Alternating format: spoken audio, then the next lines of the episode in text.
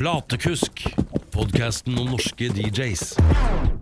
Da går opptaket, forhåpentligvis denne gangen også med hørbar lyd fra begge kanter. Det er en første gang for alt. Her eh, har man fått ny datamaskin, og så var det da mitt webcam som tok opp lyden forrige gang jeg snakket med, med Fredrik eh, her. Fredrik Aarhus, velkommen igjen da, til tusen takk. Det er hyggelig å være Platekusk. tilbake igjen allerede.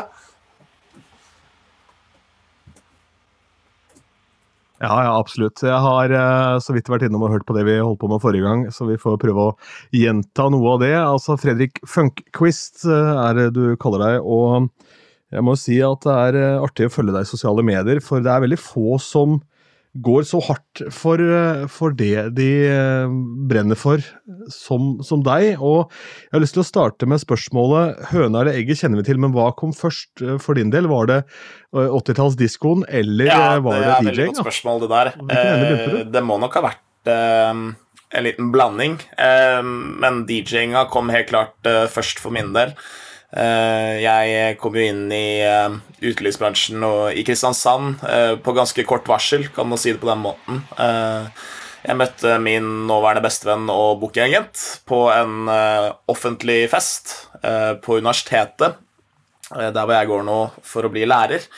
Eh, og han introduserte meg da på veldig kort tid eh, inn i diskoverden. Og jeg har også hatt eh, litt grann biter av disko fra yngre alder gjennom at jeg fant eh, jeg fant platesamlinga til faren min på, på loftet. Jeg var litt interessert i å sjekke ut av hva som er, hva fantes der. Eh, eh, litt tilbakeblikk til når faren min var på ungdomsklubben og, og spilte plater med sine venner.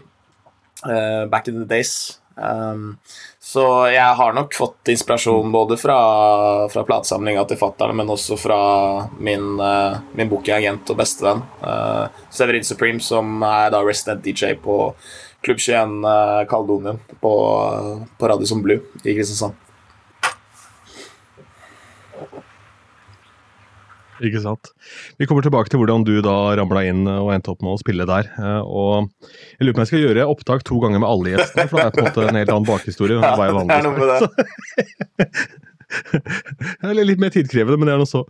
Jeg, kjenner jeg er skikkelig misunnelig på de som hadde foreldre som hadde en definert musikksmak. Sånn, min far hørte på musikk, han også, men det var, det var enkeltlåter. Han likte liksom Ring My Bell med, med Anita Ward, og så likte han Fire, Pointer Sisters sin versjon. Eh, og så var det et ganske stort hopp der til Queen i andre enden, og i tillegg da Dr. Hook, som da vel er hans favorittband. Um, og midt imellom der så syns han også Green Green Grass of Home med Tom Jones ikke var så verst. Så Men det er vanskelig å snappe opp liksom, noe som er ordentlig kult ut av det, annet enn kanskje Ring My Bell, da, som er litt sånn glemt diskoperle. er jævlig Jeg, jeg satt på kafé nå i, nå i går, og så var det en eh, person eh, på kafeen der eh, i en vennegjeng da, som tok opp en klassiker. Det eneste jeg vil, er å ha det fett. Med, med doktor Erik. Eh, og da kjente jeg at da ble jeg ganske Erik, ja. interessert i å bli kjent med vedkommende, merka jeg, når jeg hørte, hørte at han tok opp den referansen der. Eh, det var også i Kristiansand. Veldig gøy å, veldig gøy å høre sånne ting. Eh, doktor Erik også er, er jo en veldig morsom figur, eh, og veldig interessant eh, norsk eh, innblikk i, i denne sjangeren også. Um, og det er noe som jeg helt sikkert kunne dratt opp sjæl hvis jeg absolutt har veldig lyst i et DJ-sett her og der. Mm. Fikk jo en litt ny vår gjennom denne Lars Vaular-miksen som dukka opp også, selvfølgelig. Han var vel med der på en låt, ja. Mm. Men eh, denne 80-tallsdiskoen nå har jeg også sittet i kø på vei hit for å få gjort dette opptaket. Jeg har vært hjemme i Askim en eh, tur nå i, nå i helgen, og da var, ja, var litt sånn lignende opplevelse, for da møtte jeg et menneske. Jeg var ute en bitte liten eh, tur eh, etter et sånn eventoppdrag hvor jeg plutselig hadde en time før byen stengte. Ledig. Så bare, Fantastisk. Ok, får gå ut og ta noen øl, altså, hva, hva skjer, liksom? Det er veldig sjelden det skjer når man spiller masse. Og da møter jeg en fyr utafor, og så tenker jeg han typen her må det være noe Han må drive med noe helt annet enn å være bare en vanlig dude fra Askim. For jeg, jeg kjenner de vanlige dudene fra Askim. Sier jeg, men du er ikke herfra, hva heter du da? Så viste det at det var min gamle nabo som var dama hans. Finansrådgiver i DNB, han passa ikke helt inn. Det var Men, eh, men jo, da satt jeg og hørte på en av disse diskomiksene dine som ligger på Soundclouden din, som det ligger en link til under, eh, under poden her. Og jeg må si det er jævlig befriende. 24. Hvor gammel er du? Er det midten av 20-åra, eller?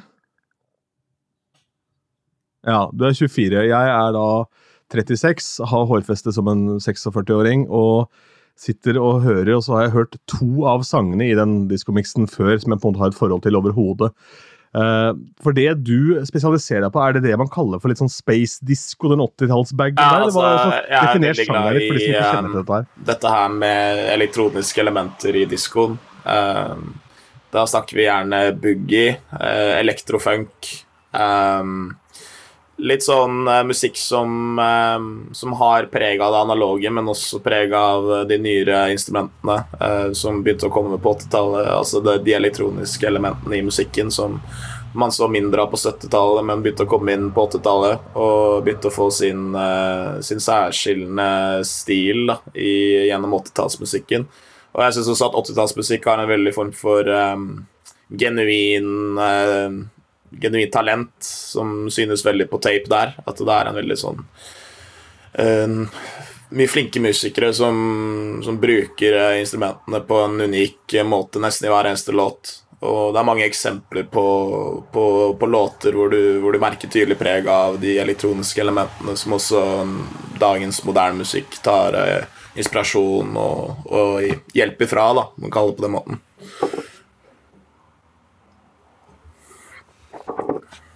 Og så er det vel sånn også at en del av musikerne på 80-tallet drukna veldig i eh, låtskriverne, for da kom disse superlåtskriverne som skrev låter for andre fram på en helt annen måte enn hva vi kanskje var vant til, med unntak av Motown, og sånn som hadde låtskriverpar eh, og låtskriverduoer og, og, og um, trioer også, vel, som skrev mye låter. Men da fikk man disse disse superhitene over tid, som er de mer Ja. kommersielle, jævlspilte P4-låtene, kan du si. da.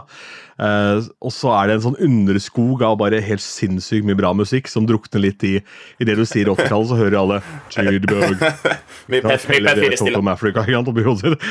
Eh, Men så er det så jævlig Ja, ja, ikke sant? men så er det så mye fete er låter det jeg som ikke er helt prøver å dra utslitt. frem også på min SoundCloud. Jeg har ikke akkurat veldig stor følgeskare der enda, men eh, jeg vet jo midlene for at jeg kan, kanskje kan gro det litt gjennom uh, f.eks.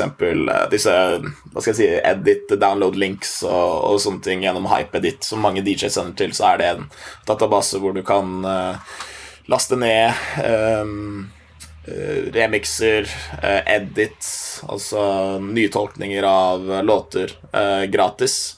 Eh, og gjennom å legge med en sånn eh, nedlastingslink da, på, på den sangen som du har lagt ut, så, så får du da gjennom det også mulighet til å få promotert eh, musikken din lenger ut gjennom at folk må f.eks. like låta di eller reposte re den eller lignende. Så det er mange måter å få et større publikum på SoundCloud, og det skjer gjerne gjennom eh, eksterne kilder utenfor SoundCloud, f.eks. HypeEdit.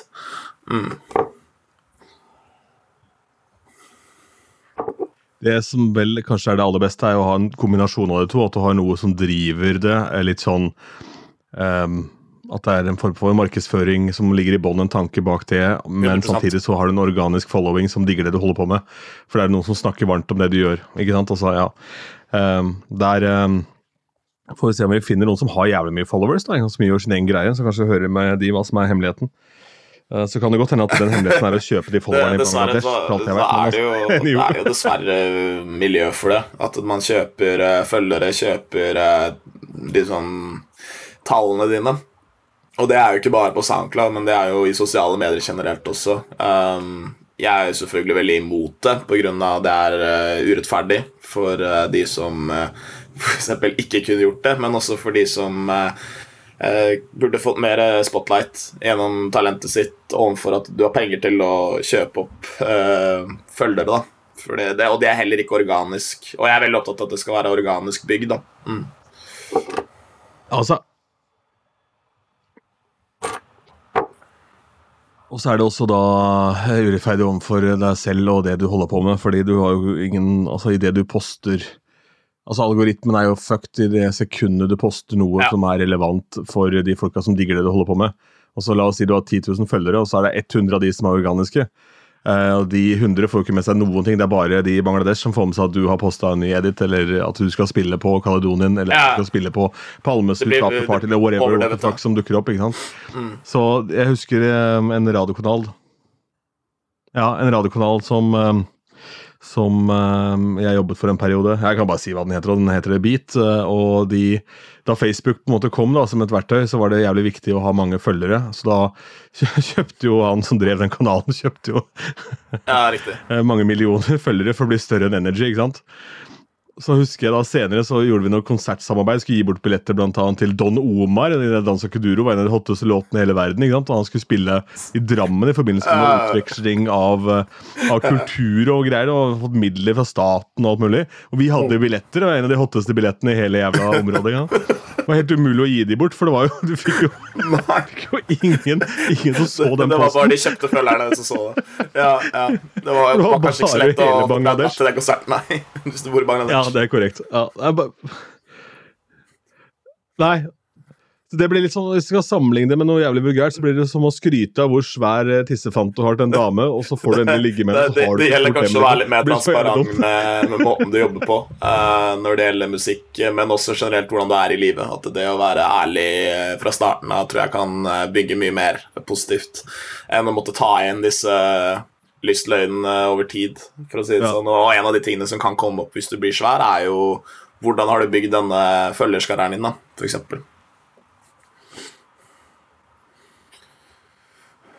Ja, Idet du får noen inn da, som på en måte skal hjelpe deg til å gå til det neste nivået, så gå inn og se på tallene dine og analysere det du holder på med, så Ja, riktig. Det er såpass, ja. ja. Ok, da må du bare starte fra scratch. Det helt Det blir løgn. si Det blir bare eller masse løgn. ikke sant? Det, det, det holder jo ikke i Ja, ja, den det bransjen i det hele tatt. Det, det blir, du blir sett rett igjennom. Absolutt ikke. Men eh, hvor, eh, hvor er det du går for å finne låter da, innenfor en ganske spesifikk sjanger? For Hvis jeg går og, og, og skriver 80-tallsdisko på eh, Spotify og finner en spilleliste, så er sjansen for at den spillelista som dukker opp med flest followers, har egentlig ikke det du er ute etter, som er krydderet da, i settene dine. Eh, hvordan er det du eh, driver med det man i gamle dager kalte for crate digging? da, altså I platesjapper, rett og slett. Går du i en platebutikk eller bruktmarked, altså 24 år gammel og Det er hyggelig. gammel, Det er hyggelig. Nei, um, det er mange måter jeg finner musikk på. Um, jeg kan jo si to um, hva skal jeg si, kanaler som er litt oversett når det gjelder å finne ny musikk innenfor nisjeområdene. Og det er YouTube og Instagram. Eh, Det ligger faktisk mye, mye godsaker på begge nettsidene hvis du er villig til å begynne å grave litt. Og da snakker vi f.eks. på Spotify, da, så har du gjerne, hvis du har en låt, da, og så går det an å gå inn på radiokanalen på den låta. Og da finner du noe som kalles relaterte låter. Um, tilsvarende kan du begynne å gjøre på YouTube, hvor du begynner for eksempel, å skrive 80-tallsfunk, og så får du opp en spilleliste, og så velger du en av de låtene i den spillelista som du har funnet, og så kan du gå på relater, relater, relater, relater, så bare, så bare går du, hopper du stegene. Um, og da får du egentlig gratis muligheter til å lete mer, da. Um, og ehm, Eh, samme er egentlig på Spotify også. Relatere, relatere, rela, relaterte låter, det var ikke så lett å si det, eh, er, ganske er ganske relevant for å finne ny musikk eh, og bygge på det som kanskje ikke så mange hører på også. Uh, nå er det også seg slik at uh, man må ikke grave seg for mye opp i å finne musikken som er sjeldnest, men prøve å finne den musikken som påvirker deg mest som person. Eh, Jeg har på en måte et form for spekter oppi mitt hode hvor jeg reagerer ulikt på musikk. Og Hvis jeg får en sterkere, eh, sterkere reaksjon for eksempel, på, på, på en sang, så er det ofte et veldig godt tegn til at denne sangen er bra. Men det har jeg fått i mitt subjektive kompass, ikke alle sitt. Så den mitt subjektive kompass kan jo variere, men pga. at jeg har en såpass bredde i musikksmaken min også, så kan jeg på en måte har jeg har bygd over lang, over lang, lang tid et form for uh, følelsesspekter og et kompass da, som gjør at jeg kan velge låter eh, litt mer selektivt pga. at jeg, jeg kan kjenne veldig på følelsene av hva en, hva en sang gir meg. Eh, men en annen plattform som er veldig bra også, er eh, eh, som sagt Instagram. Eh, det er masse kanaler med crate diggers da, som legger ut eh, snippets eller shorts og sånne ting med mm, musikk de liker, platekjøp og, og sånne ting. Så det anbefaler jeg også å gjøre. Og så det siste er å gå i platebutikker og så gå i tikronersseksjonen. Og så begynne å, begynne å bla litt. Uh, se om det er noen kule covere som du kanskje liker. Kanskje det er noe som interesserer deg litt mer. Og, bare, ah.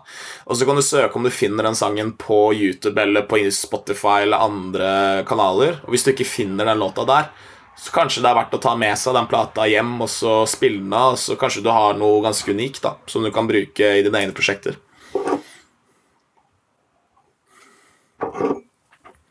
Shit, ja, det her er jo golden.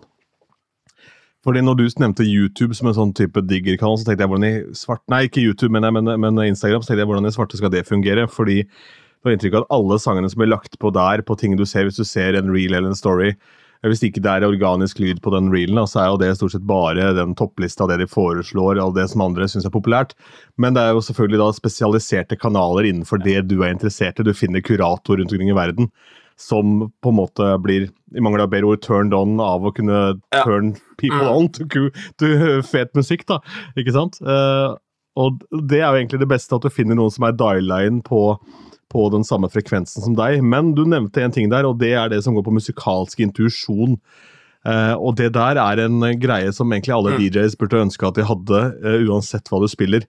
Om du spiller blodkommersielle låter, så trenger du en og annen staple som som er din, som på en måte er en låt du kan gå til, og som det gir deg glede av å spille, selv Nettopp. om det settet du stort sett gjør, består av bare hits, eh, så må det være noen krydderhits. Hvordan eh, får man eh, hvordan øver man opp den egenskapen? da? For det der er jo helt gull verdt. Å si at du ender opp med det spekteret oppi hodet ditt, og så veit du på en måte da når du føler mm. Altså når, når, den tar deg, da. Ja, altså, bare, yes, første steget til å få det følelsesspekteret, eller den form for kompasset til hva som er musikk du uh, får de følelsene av, er å finne musikk du selv liker. Jeg tror, jeg tror, mye av dette her med å komme seg inn i uteliv og komme seg inn i, uh, i faste gigs og, og, og, det å bli en uh, brukt Går det an å si? Går det, nei, det går, å bli liksom bli en eh, DJ som eh, egnes og blir booket da, eh, jevnlig. Uh, tror jeg går mye ut ifra at du har funnet ut av hva du selv liker, uh, og kjenner konseptet på utestedet du skal spille. For hvis du klarer å finne balansen mellom å gjøre din egen greie og tilfredsstille konseptet på utestedet, så har de en grunn til at det er deg de skal booke, og ikke booke en annen person. Um, og det å finne det følelsesspekteret, og det å og, når du crate-digger, da, eller når du skal lete etter musikk, er å uh, finne ut av hva er det jeg selv liker uh, av musikk. Hva slags type disko, eller hva slags type IDM eller tech eller house, eller hva enn det skulle være. Hva slags type, type musikk innenfor den sjangeren liker jeg. For det er mange bisjangere innenfor en hovedsjanger også.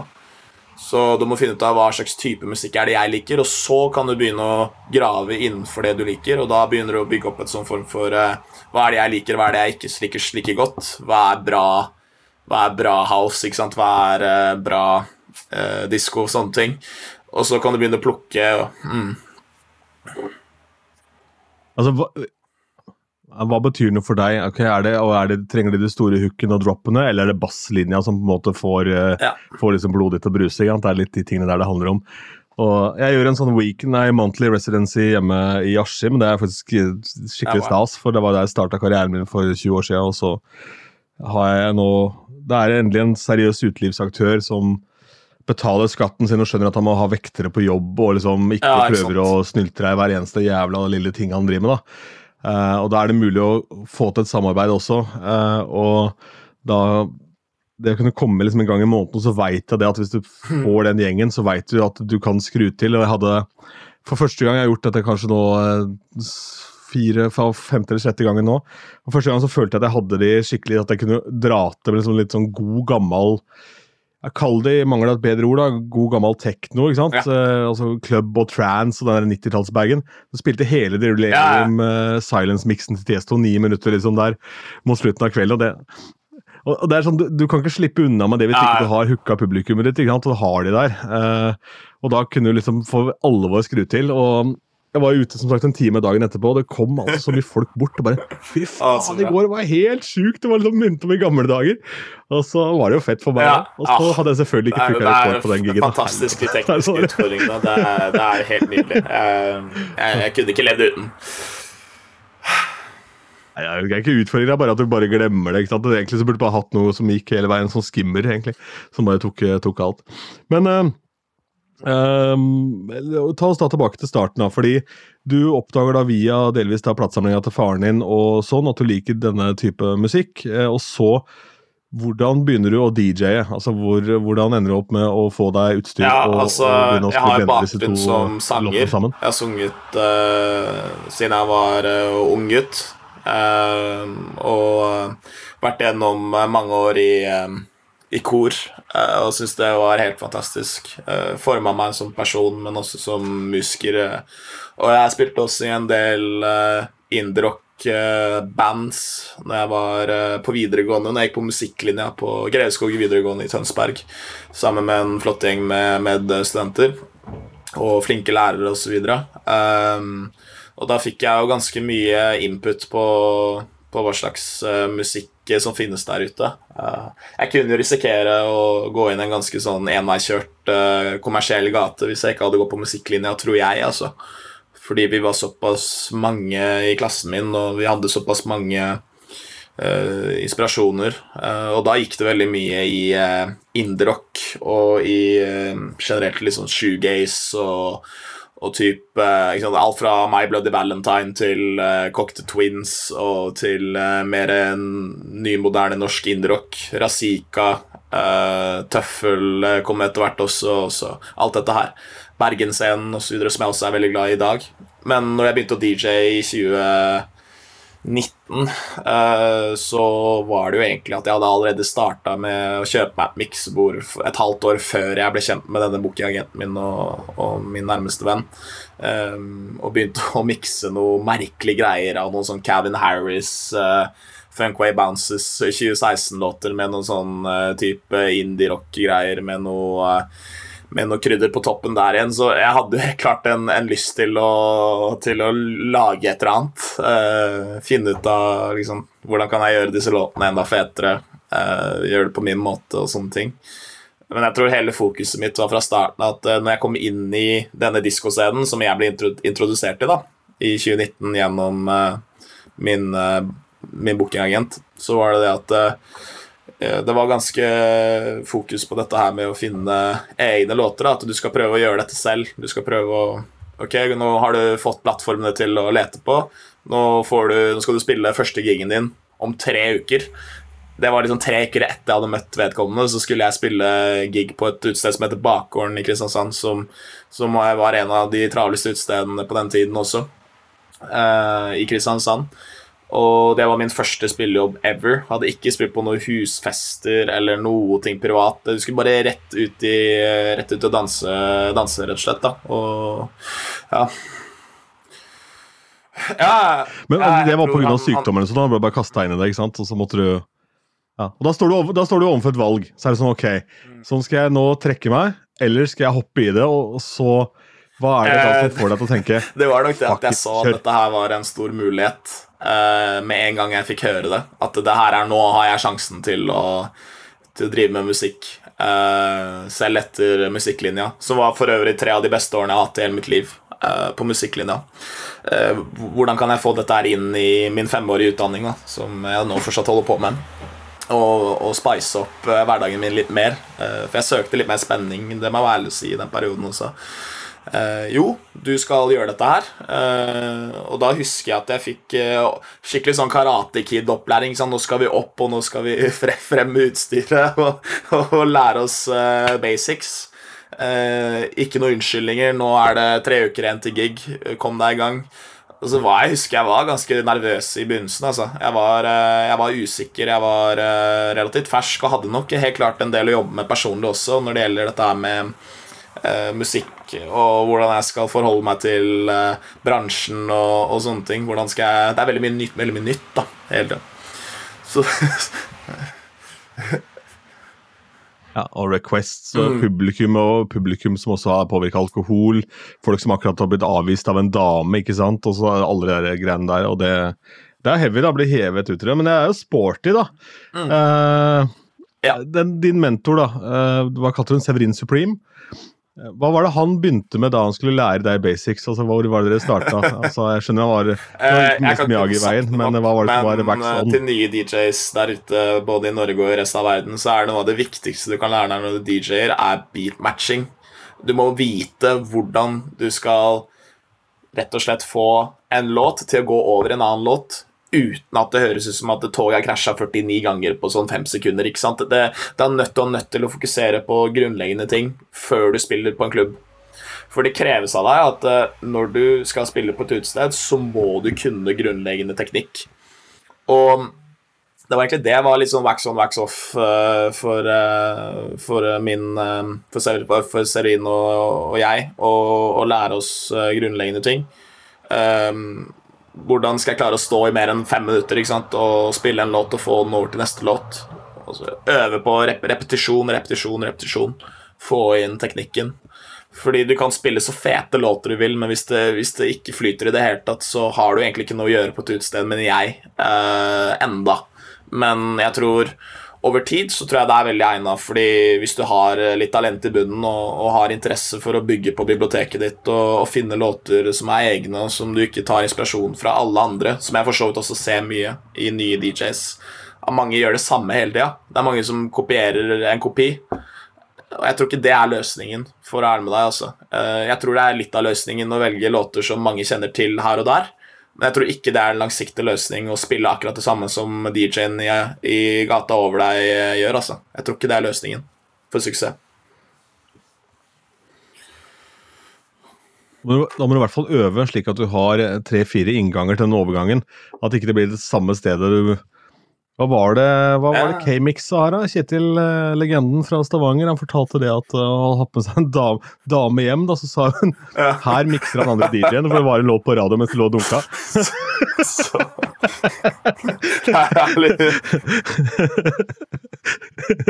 Men akkurat det, men det er to ting til det her. Det ene er beatmatching, og det vi nå snakker om, da, det handler ikke om å se at den går i 127, og så vrir du ned en pitch-kontroll til 127 Ja. på den andre spilleren. Dette handler da om å lære dette med øret ditt. eh, og eh, det trenger du i 2022 egentlig ikke å kunne, men allikevel så gir det deg en superpower som, eh, som Hva skal vi sammenligne med? Det kan sammenlignes med en big dick energy. Eh, som gjør at du kan forklare hva faget ditt går ut på, overfor noen som, ikke, som tror at DJ bare trykker play. Så kan du fortelle de på en helt annen måte enn hva du kan dersom du ikke kan den skillen. Og så er det én ting til som jeg lærte altfor seint, og som jeg skulle ønske at jeg snappa opp før, og det er det med phrasing, hvor man mikser. Um, for jeg begynte med house, og da var det beats on beats, og du kunne ligge Alt var four on the floor. Du kunne ligge i en miks i to minutter uten problem. Eh, og hvis du var heldig at det låt noenlunde greit var i noenlunde samme key i tillegg, så var det helt nydelig. Men nå om dagen så mm, blir det veldig tungt da, hvis du skal spille en låt for et tungt publikum i fire-fem minutter. Da må du quickmixe litt, og da må du vite på en måte hvordan du kommer deg ut av det. Og da bør du også lære å telle noen takter. Der ligger det masse fine videoer på YouTube. Jeg skal se om jeg finner noen jeg kan legge under her, som gir en god inngang til det. Eh, Men det handler basically bare om å vite hvor det skjer noe i låta, og idet du lærer det, så kommer Ja, du aldri til å høre på radio som et normalt menneske igjen. For du tenker, tenker ne, ne, nettopp. Og eh, ja, her er, er her med, er også miksa. noe med låtstruktur og, låtstruktur. da. Altså, vi- Vite hvordan eh, fungerer en, eh, en typisk eh, poplåt, eller hvordan er eh, oppbygningen. Intro, eh, vers, ikke sant, refreng, eh, outro. Alt dette her er veldig lurt å, å praktisere med å være oppmerksom på. Nå har jeg vært såpass privilegert også at jeg har gjennom musikklinja også fått, Uh, fått fag da, som lærer deg om lytting, ikke sant? hvordan du skal gjenkjenne elementer. eh, Du har uh, musikkhistorie, du har musikkteori. Eh, jeg har jo bakgrunn eh, knyttet til dette her, med hvordan man eh, rett og slett jobber med musikken eh, og kutter det ned til biter, og så hvordan man eh, jobber med det. Eh, og helt klart noe som kan hjelpe også hvis man blir satt i en sånn veldig sånn vanskelig situasjon i en overgang, da, for eksempel, det er jo å bruke looping. For looping er jo veldig gunstig, og det gjør da at du trenger ikke å være redd for at låta går ut, eller at du plutselig blir stille, ikke sant? Fordi man kan fort bli litt sånn stressa. 'Å nei, nå er det 30 sekunder igjen av en låt', ikke sant? Uh, og da kan du enten velge å ta en risiko ved å liksom prøve å mikse inn på første forsøk, eller så kan du prøve å loope den nåværende låta som går. Loope, altså da repetere, altså det går i loop, da, i fire til åtte takter, og så kan du heller uh, bruke så lang tid du trenger på å trykke på play på neste låt og mikse inn den låta med den pågående, slik at du får en uh, fin overgang, da. Mm. Absolutt. Og her er det jo mye ting og tang med Q-punkter og alt mulig, og det blir jo litt sånn ja. I en verbal podkast som dette her, så er det litt tung materie å gå inn i, men uh, igjen igjen, altså YouTube er en helt vanvittig sinnssyk ressurs. Jeg kan ikke skjønne og fatte og begripe at noen en gang i tiden kunne lære å redigere lyd og, eller redigere video, eller hva enn det måtte være, uten å på en måte kunne sitte inne og se hvordan du bruker alle verktøyene i, i Ableton eller Adobe Audition eller uh, Logic eller hva i helvete du klipper i. For det er altså så vilt hvor mye dyktige folk som, uh, som deler timevis med innhold bare for å ja, fordi følelsen av å gi noen uh, kunnskap og glede, det er, betyr uh, Ja, det, det, er helt klart det, altså. Uh, jeg, jeg, har tenkt mye på i perioder, ikke sant, nå som jeg har drevet med musikk som min primærinntekt, og liksom tenkt litt på at ok, får, kanskje jeg får litt dårlig samvittighet i perioder i henhold til hvor mye jeg jobber osv. I forhold til når jeg ser både kollegaene mine på Radisson, hvor mye de jobber, og er så flinke til å følge opp og så flinke til å tilrettelegge for uh, godt arbeidsmiljø og, og, kjøre på da, dag på dag på dag. Og så venter jeg liksom litt på min helg da, den måneden, ikke sant? og så tenker jeg litt på Ok, uh, burde jeg kanskje gjort noe i tillegg? Og så, og så skjønner jeg jo når, når uka er over at det, denne uka gikk jo veldig fort. her. Nå har det jo skjedd noe hele tida. Kanskje det er en grunn til at det, det tar litt tid, da, det jeg driver med, fordi jeg legger så mye i det, og fordi at det kommer til å betale seg. ikke sant? Og, og det er selvfølgelig en risiko man tar ved å sette musikken som sin primærinntekt i en periode. Eh, du kan risikere å ha noen tøffe uker eh, og måtte gå ty til andre måter å tjene penger på som ikke innebærer en, en jobb, og da selvfølgelig på lovlig vis. Eh, jeg, jeg har jo ikke sant, drevet en del med kjøp og salg av klær og klær og utstyr, f.eks. Det er jo en måte du kan gjøre på. så har du en tøff måned, da, så, så, som jeg gjorde, var egentlig å selge unna mye av verdiene mine som jeg har uh, sittende, som jeg egentlig ikke har så mye bruk for allikevel. Så kanskje du får noe læring av det òg, av å tømme litt uh, tømme utstyr på, i leiligheten din eller i huset ditt. Eller. Og så får du plutselig rom til, og midler da, til å bruke på ting som du faktisk trenger. Mm. Det er faktisk så smart sagt. jeg. Altså Jeg sitter og prater i denne mikrofonen her nå, som jeg er fornøyd med. Men dette her er da en modell som er liksom ett hakk bortenfor den jeg egentlig ønsker meg. for jeg vil ha en annen. Hvorfor det, vet jeg ikke. Men her oppe så har jeg da ikke sant, en mikrofon Nå ser du den i bildet her etter hvert. ikke sant? Dette er den Joe Rogan bruker, da, som egentlig er helt rossignol. Altså det er jo ikke, Men det handler bare om at jeg er så jævlig nerd at jeg jeg syns det er så deilig å høre legenden Shotgun Tom Kelly prate i en RE20, da, som det heter hvis du er jævlig geek å høre på denne poden her. For da får du litt mer boom i stemme, da. Og så har jeg, når jeg har hatt liksom, gode gigs, så har jeg vært så nære på å bruke 6000 spenn på den mikken, da. Og så sitter jeg og tenker Det er aller første gang at jeg nå har gjort et opptak på nytt, og det var fordi mikken som tok opp dette, den satt jeg et webkamera til 349 kroner, som er en meter unna trynet mitt. Det var ikke hørbart. Dette er en jævla podkast, for faen! For DJs som er gratis. Altså, hvorfor skal jeg ha en, en miks som gjør at jeg bare får bitte lite grann centimeter mellom beina mine sjøl? Altså, det er ikke nødvendig. Det, det, er, altså, det, det er jo prior, det er prioriteringer, selvfølgelig. Uh, mm, og, så, og, så, er det mange måter du kan ja. uh, spare en del penger på. Men jeg, jeg kommer ikke til å drive noen sånn sparetips, uh, sparekurs her på en DJ-podkast. Det er det mange andre som kan lære deg om, men jeg har lært veldig mye av det personlig. Jeg har lært veldig mye om økonomi gjennom å, gjennom å begynne å leve litt av musikk. Jeg synes det er fantastisk, den jobben jeg har nå. Jeg elsker jobben min. Og jeg har jo jeg har vært veldig takknemlig for eh, støttespillerne mine og, og eh, kollegaene mine og vennene mine, som, og familie, ikke minst, som står i det sammen med meg og støtter meg. Og at jeg klarer mye selv også, heldigvis.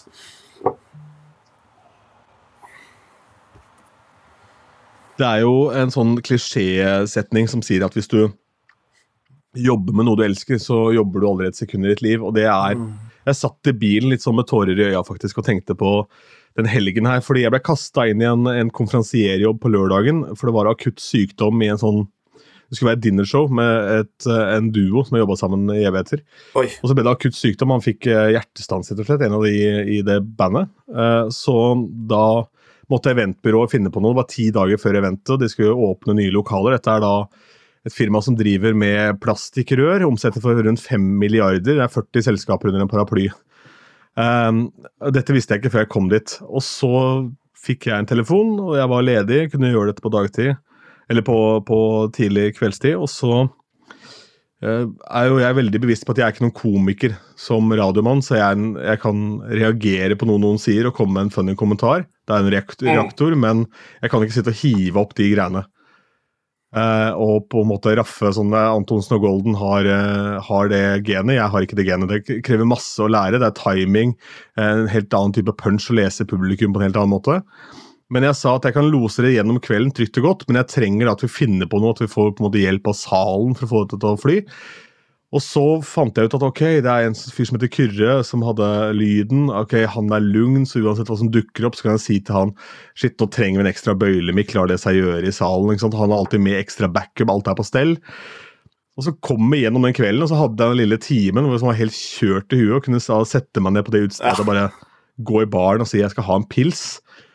Eh, og betaler den ølen ikke sant, med kortet mitt. Jeg betalte inngang for å gå og se. Og det er sånn, Ja. Du har alltid vært en del av underholdningen, kall det Gåstein. da. Eller så har du sittet der som da noen Du er ikke en gjest, du har ikke vært en gjest på jævlig lang Mm. tid, og det var egentlig sånn sykt uh, digg. Og da satt jeg og tenkte fy faen, vi landa på beina nå, fordi jeg endte opp med å måtte kjøpe inn en hel haug med remedier, for vi skulle ha noen quizer med distraksjoner og noe eh, masse, jævlig mye surr, da. Um, men det er bare sånn det er lenge siden jeg har hatt en jobb hvor jeg har gått og hatt litt sånn klump i magen og vært litt bekymra for at ikke det går bra. Fordi dette var noe man ikke hadde gjort på lenge, og det var litt utafor komfortsonen. Jeg bare OK, har jeg tatt på meg for mye? Har jeg driti meg ut nå? Men så lander du på beina, og så var det jævlig gøy på Lokalavisa var for første gang og så på dette nye residency-greiene mitt. da. Og Der var det bilde av en gammel gubbe som sto med begge hendene i været. Og der har jeg stått og spilt Launch med DJ Shaun. Med liksom Og jeg kjøpte 200 lightsticks som jeg heiv ut i publikum. Var helt så Og moren min syntes det var så jævlig funny, for han gamle gubben han ville ikke stå fram med navn. men han kom fordi jeg Ja, det var så spilte. Det var det var, hva er det som skjer? Ja, og, og i tillegg niesen min fylte så 18 år på fredag, og så ringer hun til faren min og jeg sov hos han. Ringer hun til han og spør Du, farfar, kan jeg komme og spise middag hos deg i dag, for det er farsdag. ja. Så tenker jeg, Hvem faen, Hvilken 18 år gammel jente er det som, som gjør det? Det var helt magisk. Så, og da sitter jeg og tenker det der privilegiet som vi har da, med å kunne jobbe og leve av musikk. For midt oppi der også var jo da kjapp tur innom NRK og hadde sending også. Ja. Du må klype der, men Det er 400 000 mennesker som hører på det du holder på med hver fredag. Liksom du blir den offisielle starten på ja, helgen det for, for liksom nesten en halv million. Ja, det altså, skjønner jeg. Det er jo det er veldig spesielt. Det er rart. eh, Og det er selvfølgelig fortjent at du får lov til Ja. å drive med det her. Um, og man, man må på en måte uh, Som eh, både Som faren min har sagt en del, at du er nødt til å kose deg litt med dine seire. Um, og eh, være litt takknemlig for, eh, for, at, for alt det du har fått, fått til, da, og alt det du er flink til. Eh, Jeg har nok lært mye av foreldrene mine og, og, og generelt også. Jeg har lært mye av søstera mi også, men også veldig godt av min, min mor og far. At, at du er nødt til å, å stå på, du er nødt til å, å gjøre det du skal. Og du er nødt til å mm, Hvis du skal på en måte få resultater, så krever det at du jobber for det. Og jeg, jeg ser veldig resultatene nå for tiden. At det arbeidet som er lagt inn litt i litt i sånn i skjul, kanskje, for mange eh, som ikke har sett så mye av det arbeidet jeg har gjort for å forberede meg til dette her, eh, til nå den juleturneen som jeg har nå. Eh, Og så er det det å kalle en turné er også litt sånn for meg sitter litt langt inne. Jeg, jeg er jo en DJ, først og fremst. Jeg er jo ikke en utøvende profesjonell musiker som har egne låter enda, eller som, som driver med det, men eh, det er litt som vi kaller en, eh, et arrangement i byen som heter Tour Divin. Da. Altså, Tour, Tour Divin. Uh, hvor det er uh, flere utesteder i Kristiansand som har uh, vinservering med sin egen signaturvin osv., og, så og så går folk med, og, og det er kjempepopulært. Og så kult arrangement. Og det samme er litt sånn som med meg, og at eh, at jeg, jeg, ser på det som en turné, for det er, det er på spillesteder rundt om i Kristiansand og, og, på Sørlandet, men også Uh, skal jeg også en tur til Bergen nå 10.12. og spille lite sett der. Da er det igjen ikke så mye spilling, men det er det jo For jeg, jeg, har jo kommet inn på et sted som heter Hulen i Bergen, som er en av mine favorittsteder også i, på Vestlandet. Mm. Ja, og, og, som er en helt legendarisk rockeklubb. En av de råeste konsertfilmene i norsk rockehistorie er filmet der. Det er Big Bang, hvor Øystein ja, løper bortover veggen og stagediver fra siden. Jeg skal se om det, det, skal se om det klippet ligger på YouTube og legge det under her, fordi eh, Men hvordan i helvete ender man opp med å komme seg inn på Hulen, da? For det er jo, altså, det er jo det kan jo nesten sammenlignes med sånn gamle garasje der hvor Jeger i Oslo ligger nå. Sånn, ja, da det for meg så liksom. ble jeg introdusert til Hulen gjennom venner som bor i Bergen. Um, og da er det venner eh, som jeg har blitt kjent med gjennom Da venner jeg har hatt i mange år, siden jeg var uh, ung tenåring. Uh, som har blitt kjent med folk i Bergen, som da uh, holder på i ulike verv da, på, på Hulen i Bergen. Da er det både DJs, vi har eh, medarrangører, vi har um, teknisk lyd og rigg osv. Og, så og så er det jo booking osv. Um, jeg kjenner bl.a. ei som driver mye med booking der, og som, uh, som har booka mye fete navn til Hulen uh, gjennom uh, det siste året, og kanskje lenger enn det, til og med. Som introduserte meg da til Hulen, og jeg fikk lov til å prøve meg der som DJ gjennom en opptakssituasjon hvor jeg var gjennom eh, et lite intervju, og så ble jeg tatt inn. Uh, var så heldig tatt inn der, da kan nå begynne å jobbe etter hvert fast på, på huset månedlig, mens nå har jeg en sesong uh, basert ved ringevikarstilling, hvor jeg, hvor jeg drar til Hulen og spiller sets i forbindelse med konserter og events, rett og slett.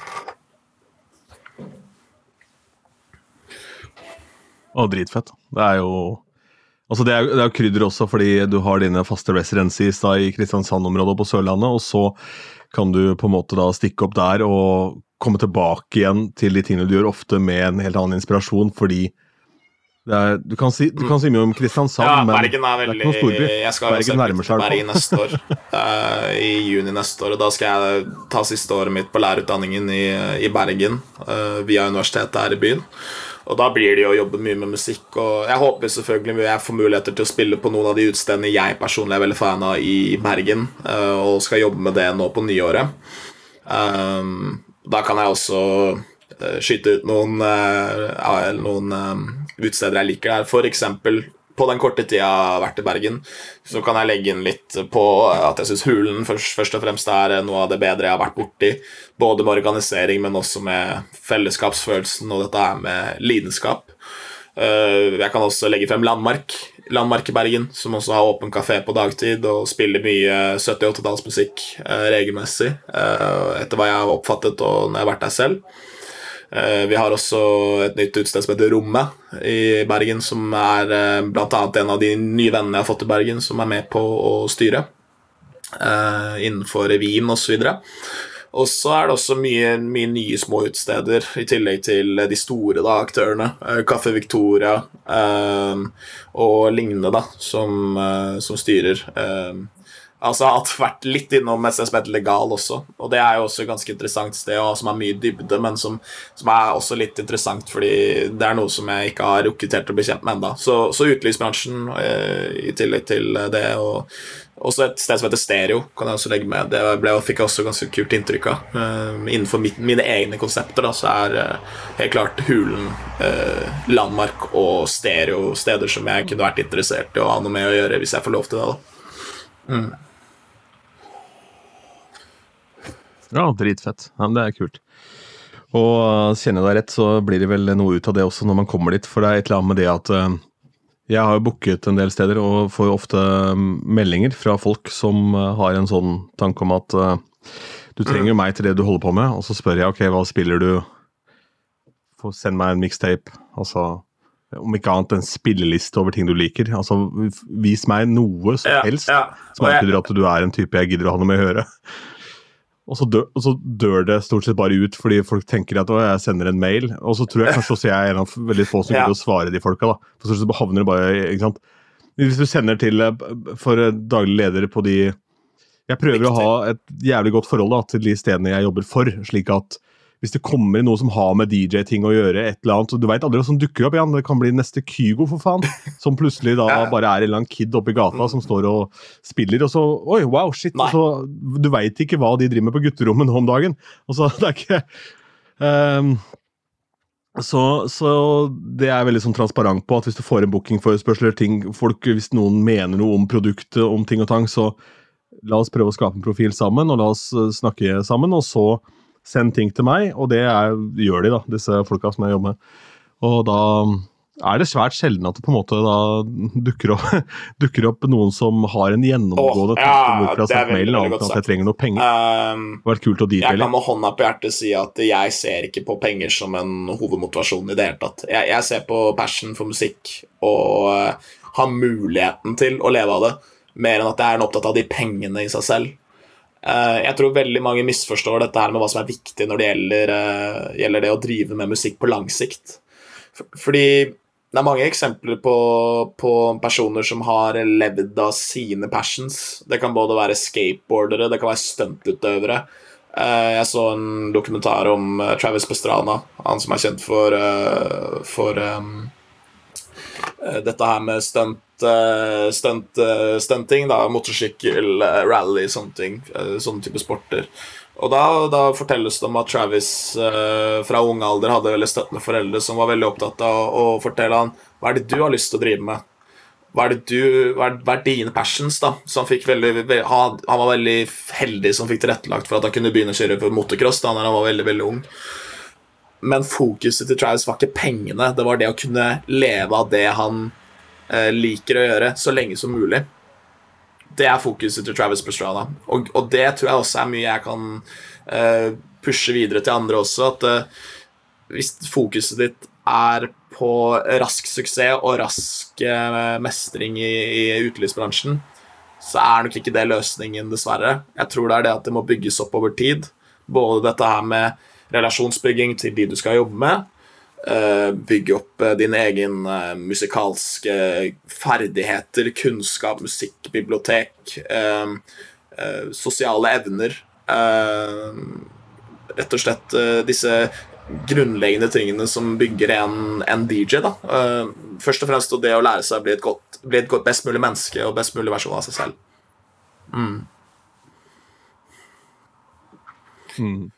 Og ha respekt for de som har lagt ned tanker, ressurser, eh, øving, kunnskap eh, i å lage de låtene som på en måte Ja, ja, ja. nesten gjør deg kram, bare at du hører prøver første tone, liksom. Eh, eller, eller i helt andre enden av skalaen, de låtene som har et hook som sitter så jævlig at alle jentene skriker og synger med umiddelbart idet de får den.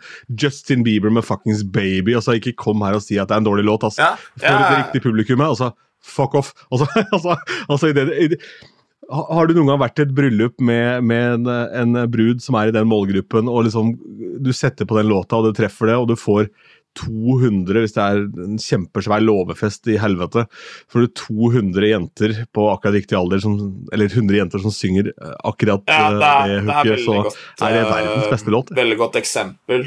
I min bransje innenfor dette med lounge og, og hva skal jeg si, sitte-DJ-ing, da jeg, jeg står jo når jeg, når jeg spiller. Det, det syns jeg egentlig er litt viktig at folk gjør. Personlig så syns jeg det er litt av etiketten.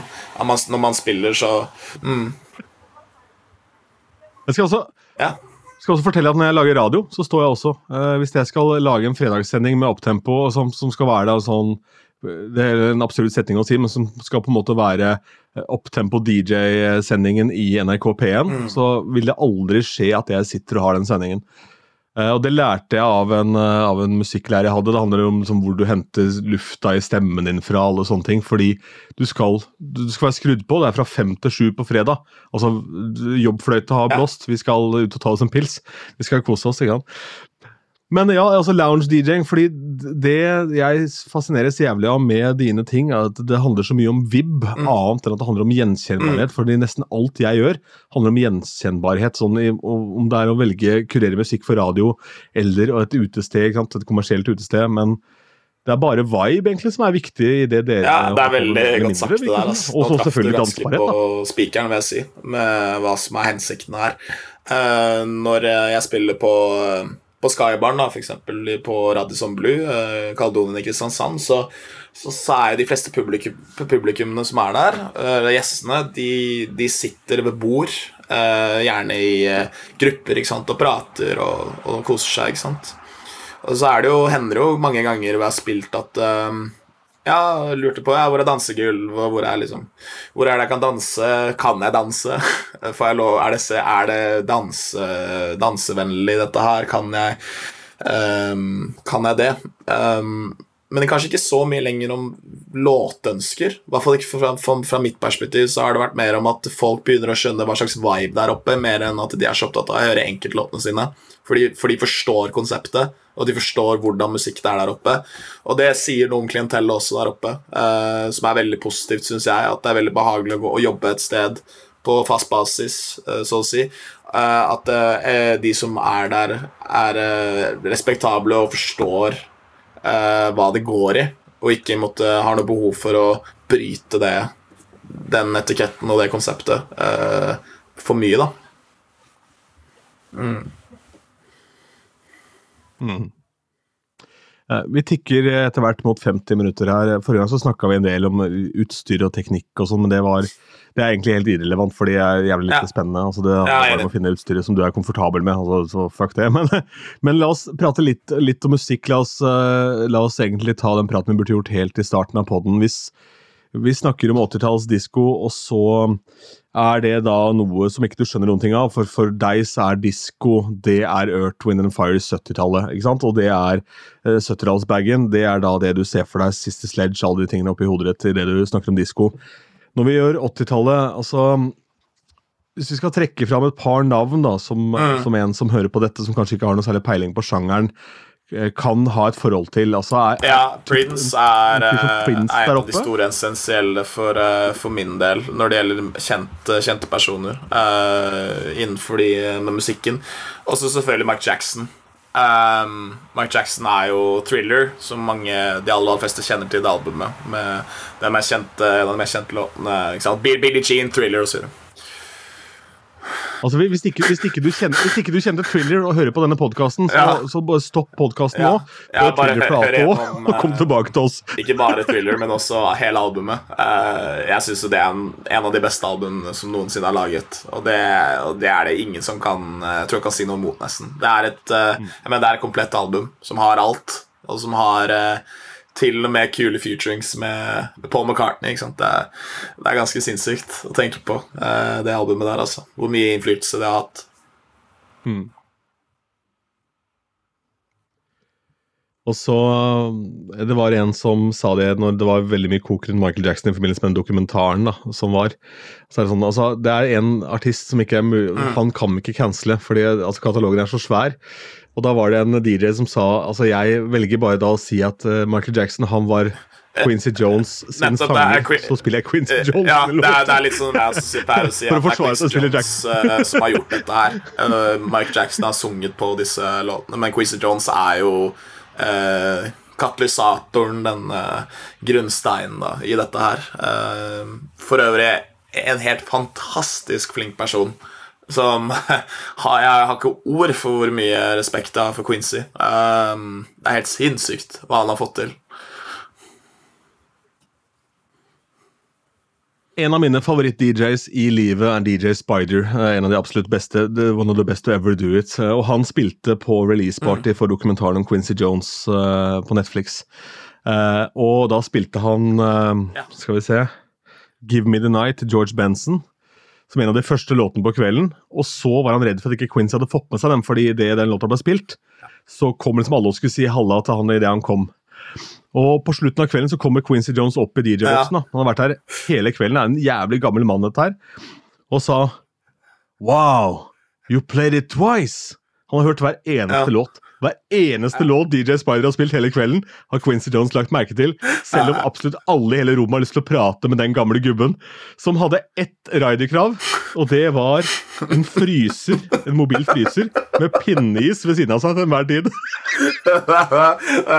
Veldig bra. Det har jeg aldri hørt. Det er fantastisk. Ja, det, nå snakker vi Jeg kunne også tenkt Hvis jeg, skulle, hvis jeg hadde hadde hatt en rider, så hadde jeg nok eh, kunne tenkt meg en fryser med, med ispinner også, sånn eh, med slush og sånn. Masse sånn eh, god, god is. Det hadde ikke hatt noe imot, det heller, altså.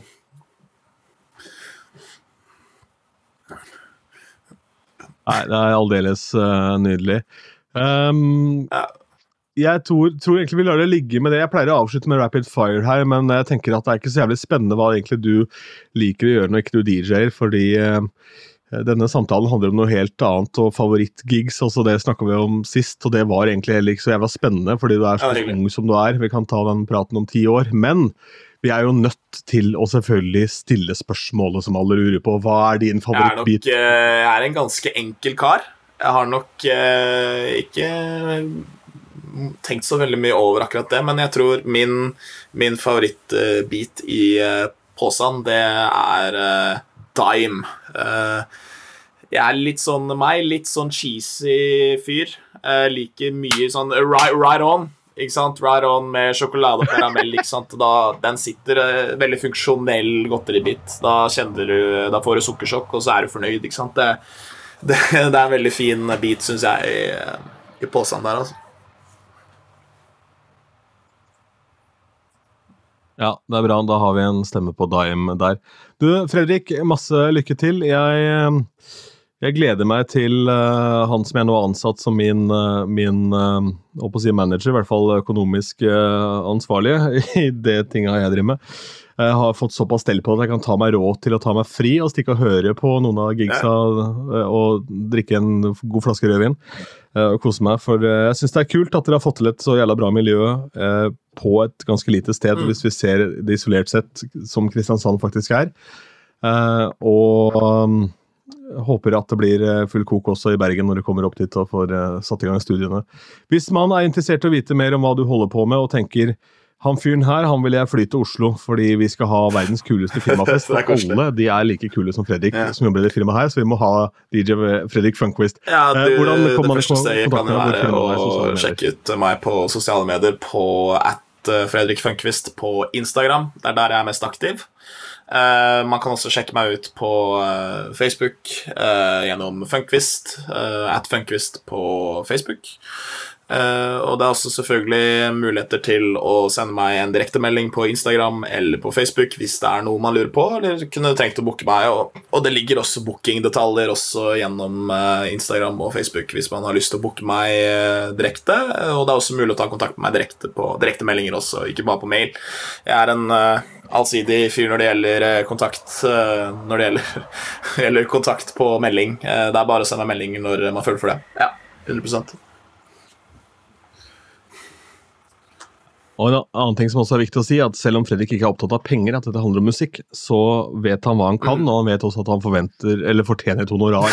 Så ikke kom her og si kan du stille tenker det, er- det er fint å, fint kanskje sånn få litt grann, eh, på det, slik at jeg kan eh, gå i, gå i pluss, i hvert fall. Det, det hadde hjulpet. Absolutt. Mm.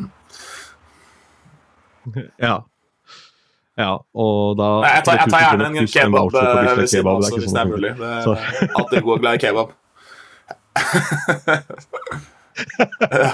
ja, tusen takk. Ha det godt, da. Du, takk for praten, da. Lykke til. Du har hørt Platekusk, podkasten om norske DJs.